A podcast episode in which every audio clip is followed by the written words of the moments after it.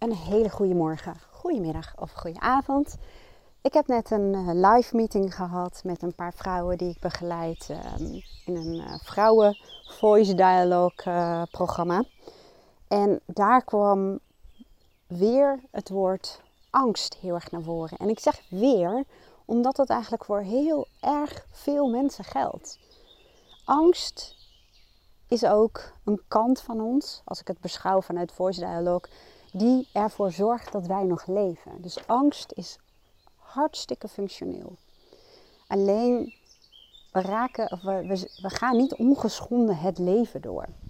Dus er gebeurt bij heel veel van ons wel iets in het leven waardoor angst enorm getriggerd wordt. En bij wijze van spreken voor in je bus gaat zitten. En dat je hem heel sterk voelt. En je merkt het verschil wel wanneer angst functioneel is en wanneer angst verlammend is. En je letterlijk en figuurlijk s'nachts uit je slaap houdt. Ik heb zelf als kleinkind tot in mijn volwassen leven echt een angststoornis gehad. En het is nog steeds iets wat redelijk snel getriggerd wordt. Alleen ben ik nu in staat om A, als die getriggerd wordt, het um, ja, te verzachten. Dus de heftigheid van de angst.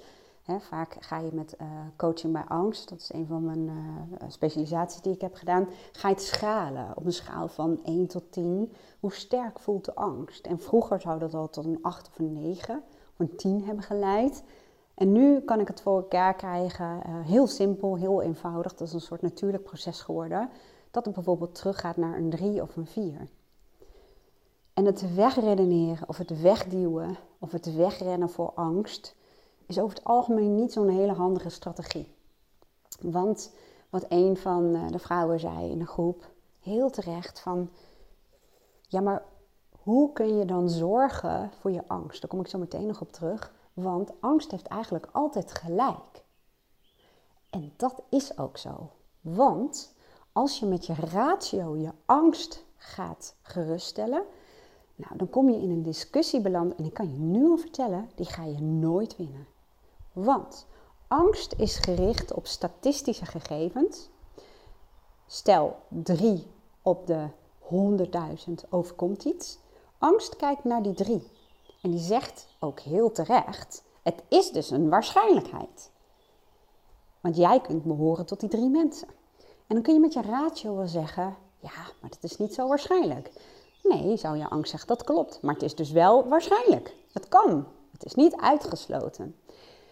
Hoe meer je met je ratio in discussie gaat met je angst, hoe meer angst met tegenargumenten zal komen. Sterker nog, door met je ratio aan de slag te gaan met je angst, zul je merken dat in heel veel gevallen je angst juist sterker wordt. Die wint aan kracht. Het is gewoon een discussie waar ze in beland zijn angst versus bijvoorbeeld je ratio. Er zijn heel veel verschillende manieren waarop je ervoor kunt zorgen dat je verlammende angst weer teruggaat naar een niveau waarop het functioneel is. Ik zou ook nooit beweren, dat is mijn visie op angst, dat je angst helemaal weg kunt krijgen. En ik denk ook persoonlijk dat dat niet zo heel erg slim zou zijn. We zijn gewoon gebouwd op een manier waarop angst een rol speelt in ons leven. En nogmaals, het is maar goed ook, want dankzij angst leven we nog. Ik vertelde op een gegeven moment van, als je kijkt naar voice dialogue met al die verschillende kanten in onszelf, dan um, heeft elke kant een zekere kwetsbaarheid iets waarvoor je mag zorgen. En dat klinkt een beetje verwarrend misschien, want je zou zeggen van ja, maar al die kanten in ons, zoals angst of de innerlijke criticus of onze perfectionist of onze pusher, die zorgen toch voor ons. Dat klopt, dat doen ze ook. Jouw perfectionist, die zorgt voor een bepaalde kwetsbaarheid. Die wil gewoon dat jij, uh, ja, wat wil een perfectionist? Dat je zoveel mogelijk goed doet, of eigenlijk alles goed doet, alles perfect doet. Zodat mensen je misschien wel niet in de steek laten hè, als je heel diep gaat graven. Je innerlijke criticus, die heeft als kwetsbaarheid dat jij buiten de groep ligt. Dat jij ergens niet bij hoort. En dus eenzaam zal sterven. Het klinkt allemaal heel diepgaand, maar dat is het eigenlijk ook. Want als dat niet zo zou zijn, zouden we ook niet zo'n last hebben van bepaalde kanten, om het zo te zeggen. Zouden die niet zo sterk aanwezig zijn. Het gaat ook vaak over bestaansrecht. Ergens bij horen, niet verlaten worden. Dus elke kant heeft een bepaalde kwetsbaarheid. En op een gegeven moment zei ik, ja, die kanten zorgen voor jou, maar dat doen ze op een manier waarop ze denken dat ze dat goed doen. Ze hebben regels meegekregen uit je jeugd, en, maar dat zijn onbewuste regels, die hebben ze opgepikt uit de omgeving. Jij hebt ze nooit exact verteld hoe ze jou het best kunnen dienen. En dat is iets wat ik in het programma bij de volgende lessen wel ga doen. Zodat je kanten en regels meekrijgen. Dat ze een soort kader hebben waarmee ze je mogen helpen en hoe. Maar goed, dat even terzijde. Ik zei op een gegeven moment, het gaat er ook om dat jij als bewust ego, vanuit bewustzijn, en als je naar die bus kijkt, dus vanuit je chauffeurstoel, ook gaat zorgen voor de kwetsbaarheid van je kanten. Nou, als we dan naar angst kijken, wat is dan de kwetsbaarheid van angst? De diepste kwetsbaarheid van angst is dat jij doodgaat. Daar wil die voor zorgen. En ook al heb je bijvoorbeeld als waarde en als kant in jouw bus uh, avontuur, dus je op avontuur wil en dat je juist nog meer wil leven en nog meer wil genieten van het leven. Angst heeft één missie en dat is jou in leven houden. Ook als dat ten koste gaat van jouw levenskwaliteit en je levensgeluk. Alles beter dan doodgaan. Maar dit voel je zo sterk als je vooral jouw angst naast je hebt staan of misschien wel op je schoot hebt zitten. En hoe je dit kunt verminderen is bijvoorbeeld door bijvoorbeeld te vragen: hoe kan ik voor jou zorgen, angst? Hè? Hoe, wat kan ik doen om te zorgen voor die kwetsbaarheid? Nou is dat alleen lastig van, ja maar hoe dan? Nou, toen gaf ik een voorbeeld van, stel, er is een kindje in de speeltuin, of dat nou jouw kind is of die van een ander of misschien een onbekend kind, het doet er niet toe. Maar je ziet dat dat kindje, die lazert uit een schommel. Die valt. Die brullen, huilen en die rent naar jou toe. Of ja, rent naar het kindje toe, dat doet er niet toe. Wat doe jij dan als ouder, zeg maar? En je hoeft niet de ouder te zijn van het kindje, maar wel als volwassene. Wat doe jij om dat kindje te helpen? Om het gerust te stellen? Nou, en wat er toen gebeurde, is wat we eigenlijk in het dagelijks leven meestal doen. We gaan het inderdaad geruststellen. Heel vaak vanuit onze ratio. Kom maar, het gaat wel goed. En, uh, je kunt wel weer erop. Terwijl angst van dat kindje zegt: nee, je bent net gevallen, dat kan nog een keer gebeuren. Het is heel logisch dat het nog een keer gaat gebeuren. En misschien wordt het dan wel erger en valt ze op de hoofd. Of, hè? Dus het kindje zal in verzet komen. Dat als jij met je ratio probeert dat kindje weer op die schommel te krijgen, zal het in verzet komen. Niet altijd, hè? want elk kind is anders. Maar die angst die denkt, oh, no way, dan maar liever helemaal niet meer in deze hele speeltuin. Want wat wij ook doen, gedachten, we leggen associaties, linkjes. Want als de schommel gevaarlijk is, dan is waarschijnlijk de glijbaan ook gevaarlijk. Dus zo ontwikkelt angst zich ook. Die legt linkjes. Nou, wat ik in elk geval zelf heb ervaren wat helpt, en daar ga ik zo meteen nog wel even meer op door. Stel dat kindje, ik ga dan als letterlijk en figuurlijk, ga ik door mijn knieën zodat ik op ooghoogte zit met het kindje. En dan zeg ik, nou, laat eens even kijken. Doe eens je arm omhoog. Die doet het nog. Zeg, doe dan eens je andere arm omhoog. Die doet het ook nog. Zeg, nou, laat eens even kijken, je voeten. En dan richt ik mijn aandacht op dat alles nog werkt. Trouwens, ik sla één stap over. Vaak erken ik het wel even van, goh, hoe was dat nou toen je viel? Of um, Jee, dat was denk ik wel schrikken. Dat is trouwens een suggestieve vraag, hè? daar pas ik altijd een beetje mee op. Maar ik laat het er wel even zijn. En dan zeg ik, het is heel normaal hoor, want uh, als ik van de schommel was vallen, was ik denk ik ook wel gaan huilen. dus je geeft het kindje een stukje erkenning. En in dit geval gaat het niet alleen om het letterlijke kind, maar eigenlijk ook over je eigen innerlijke kind. Die geschrokken is en die bang is en die nu ook beschermd wordt door angst. Goed, ik laat dit stuk even achterwege, want anders wordt het heel erg abstract. Maar bij wijze van spreken, ik erken de angst. Dus je, legt eigenlijk een connectie van het mag er zijn. Het is volkomen normaal dat je angstig was. En gelukkig maar, want jouw angst zou je ook helpen om uh, ervoor te zorgen dat je minder snel zal vallen de volgende keer. Nou, en vervolgens ga je inderdaad de focus leggen op het zelfherstellend vermogen van ons lichaam en ons brein. Door te zeggen van, jee, alles doet het nog.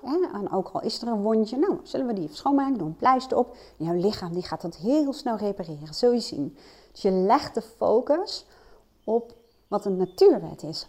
Alles in het leven, alles in de natuur is gericht op leven. Als je een boom omzaagt, zul je zien dat binnen no time er vanaf dat boomstammetje, die, hoe heet dat ook alweer, zo'n, ja, je snapt wat ik bedoel, er komen allemaal sprietjes uit. Allemaal takjes die opnieuw het leven uit die boom uh, laten groeien. alles is gericht op leven. Wij ook als mens zijn geprogrammeerd om te leven en te overleven. Op groei. Dus wij hebben een gigantisch ingenieus systeem in ons lichaam, in ons brein, wat er continu op gericht is om te herstellen, te herstellen, te herstellen, te herstellen en te groeien.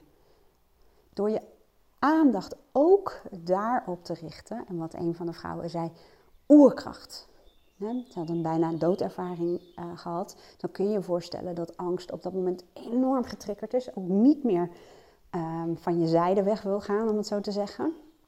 Maar ik zei, er was ook nog iets anders in jou. je bent er nog, dus er zijn ook andere krachten geweest. Toen zei ze, ja, maar oerkracht onder andere. En door ook af te stemmen op die oerkracht, van die is er ook. de oerkracht was ook van de partij. die, die, die, die twee hebben waarschijnlijk gewoon heel goed samengewerkt. Ga je al merken dat niet alleen maar angst de hoofdrol krijgt, maar een rol naast andere kanten. Zoals die oerkracht, echt een super mooi voorbeeld. Maar ook vertrouwen. Vertrouwen in jezelf, in het herstellend vermogen, vertrouwen in je intuïtie. We zijn erop gebouwd, we zijn ervoor gemaakt om te groeien, om op avontuur te gaan, om de wereld in te trekken. Daar zijn we voor gemaakt. Alles in ons lichaam en ons brein is daarvoor gemaakt. Samen met angst. Angst zal altijd aan onze zijde zijn, maar als functioneel iets. Als, als iets wat op de achtergrond draait, wat alert is. Zodat jij op pad kunt gaan, zodat jij op avontuur kunt gaan. In essentie is angst juist jouw hulp om dat allemaal te kunnen doen. Om het jou mogelijk te maken dat je op avontuur kunt gaan. Wat ik op een gegeven moment ook vertelde, ik heb wat ik al vertelde zelf een, eh, een, eh, best wel heftige angststoornis gehad. En ehm, ik ben heel erg af gaan stemmen op vertrouwen. En toen dacht ik, ik heb meer nodig dan het vertrouwen in mij. Maar ik heb ook een soort vertrouwen nodig in de wereld. In, in, in dat, ja, dat alles samenhangt met elkaar. En voor mij heeft het geholpen om uh, via eerst Deepak Chopra, het geluk in jezelf, om, om kennis te maken met allerlei natuurwetten, waar wij dus ook onderdeel van uitmaken. En vervolgens ben ik steeds meer um, in aanraking gekomen met de wet van de aantrekkingskracht, de wet van creatie, nou, allerlei natuurwetten om het zo te zeggen. En ik ben toen gaan ervaren, en dat is mijn ervaring, hè, dus ik wil je absoluut niks uh, opleggen. Ik wil je eigenlijk alleen maar zeggen, ga op zoek naar iets wat jou ondersteunt. En sommigen geloven in God, of in het universum, of in verbondenheid. Ik geloof in dat alles met elkaar verbonden is. Dat we gewoon deel uitmaken ja, van een kwantumveld, noemen ze het ook wel. Maar alles is met elkaar verbonden. Ik geloof ook heel erg in telepathie en uh, dat de toevalligheid niet bestaat. En um, ook wel in iets groters dan ik. Dat er buiten mij ook ja, iets is, of eigenlijk alles is, wat mij zal helpen. En ik doe daar letterlijk en figuurlijk ook gewoon een beroep op.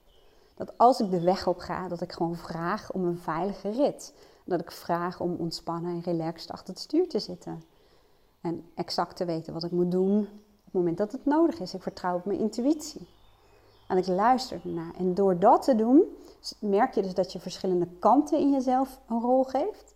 Maar wat in mijn geval ook helpt, dat ik ook kijk naar alles buiten mijzelf. En dat buiten jezelf is in mijn geval inderdaad bijvoorbeeld het universum. Maar het universum is voor mij een um, verzamelwoord van alle mensen om mij heen. de natuur, de verbindenis, zeg maar, of de verbondenheid met alles. Ja, maar ook mijn intuïtie. En uh, ik weet ook nog niet hoe ik het allemaal moet noemen. Je hogere zelf of je ziel. Ja, ik, ik weet ook niet hoe, het, hoe ik het zou moeten noemen. Maar dat heeft er bij mij enorm voor gezorgd.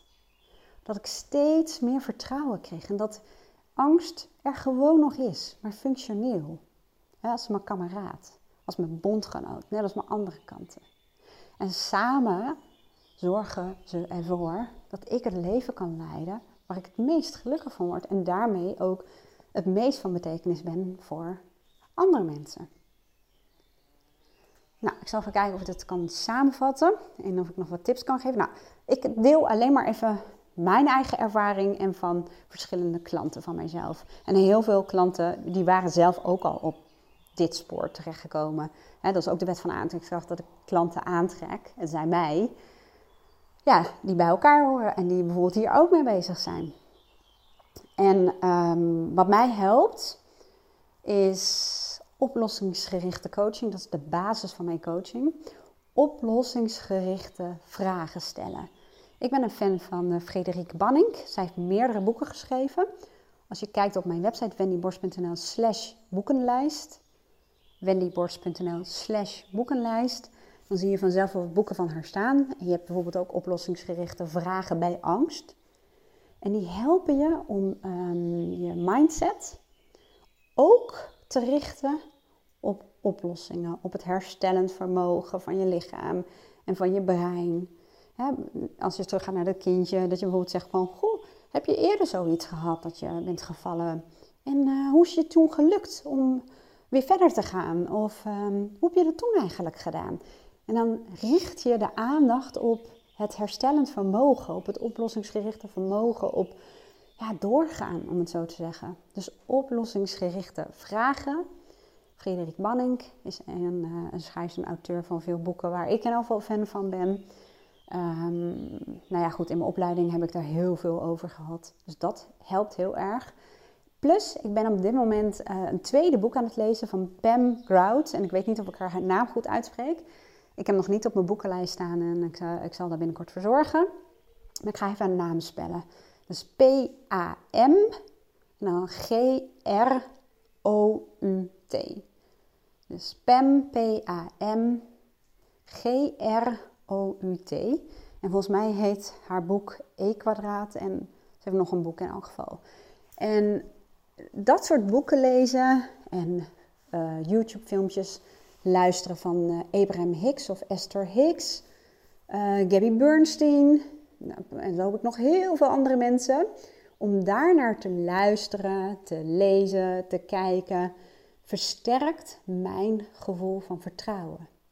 En daarmee wordt voor mij in ieder geval alles losser, minder strak, minder serieus. En ik ga het gewoon meer als een spel beschouwen. En ik heb steeds meer uh, vertrouwen in mijn eigen creërende krachten.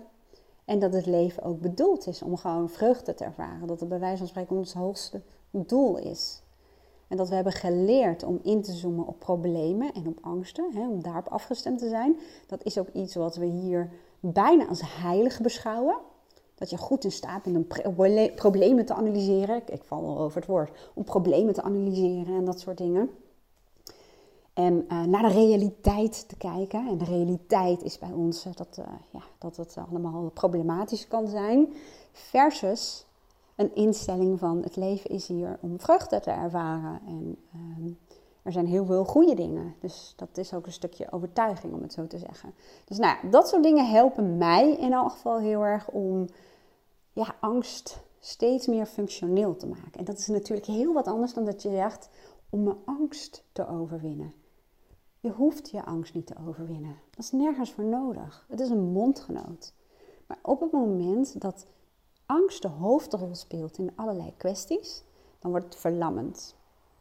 En dan kun je alleen nog maar naar de wereld kijken vanuit het perspectief van angst. Ja, dan stagneert alles. Dus door te zorgen dat hij een rol krijgt in plaats van de hoofdrol, helpt het enorm om te kijken wat de kwetsbaarheid is van angst, hoe je daarvoor kunt zorgen. Een vrouw zei bijvoorbeeld, ja, ik neem gewoon wat kleinere stapjes. En bij mij geldt dat ik gewoon wat vaker pauze in las. dat ik gewoon even lekker het bos in kan, even lekker ja, in de tuin bezig kan, even lekker met mijn handen bezig. Dat soort dingen kunnen allemaal helpen om te zorgen voor de kwetsbaarheid van je angst. Plus, door af te stemmen op oplossingen, het herstellend vermogen van nou, de natuur, van jezelf, van je lichaam, van je brein. En als dat jou helpt om af te stemmen op vertrouwen en te kijken of er misschien ja, literatuur is of YouTube-filmpjes die jou helpen ja, om vertrouwen te voeden. wat je aandacht geeft, groeit. Dus geef ook aandacht aan dingen die je vertrouwen geven. Nou, ik ga deze uh, podcast um, niet alleen maar delen met uh, de vrouwengroep. Um, ik ga hem ook openbaar zetten en ik zet hem ook uh, op um, de betaalde omgeving van mijn podcast, omdat ik denk, dit is zo'n belangrijk onderwerp. Dit raakt ons allemaal, omdat we allemaal uitgerust zijn met angst. En wie ik ook spreek, we hebben allemaal wel een bepaalde vorm van angst. Dus nou ja, ik denk dan is het toch fijn als ik zoveel mogelijk mensen hiermee hopelijk ietsje kan helpen. Dankjewel voor het luisteren en ik wens je een hele mooie magische dag. Doei doei!